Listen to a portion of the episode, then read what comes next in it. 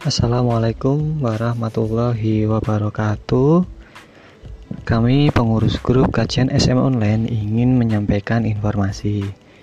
Nah, dikarenakan di minggu ini terdapat peringatan Hari Raya Idul Adha dan Yayasan Al-Kafi juga turut melaksanakan dan menyemarakan penyembelihan hewan kurban, maka pengadaan tausiah serta SM di minggu ini akan diliburkan ya teman-teman.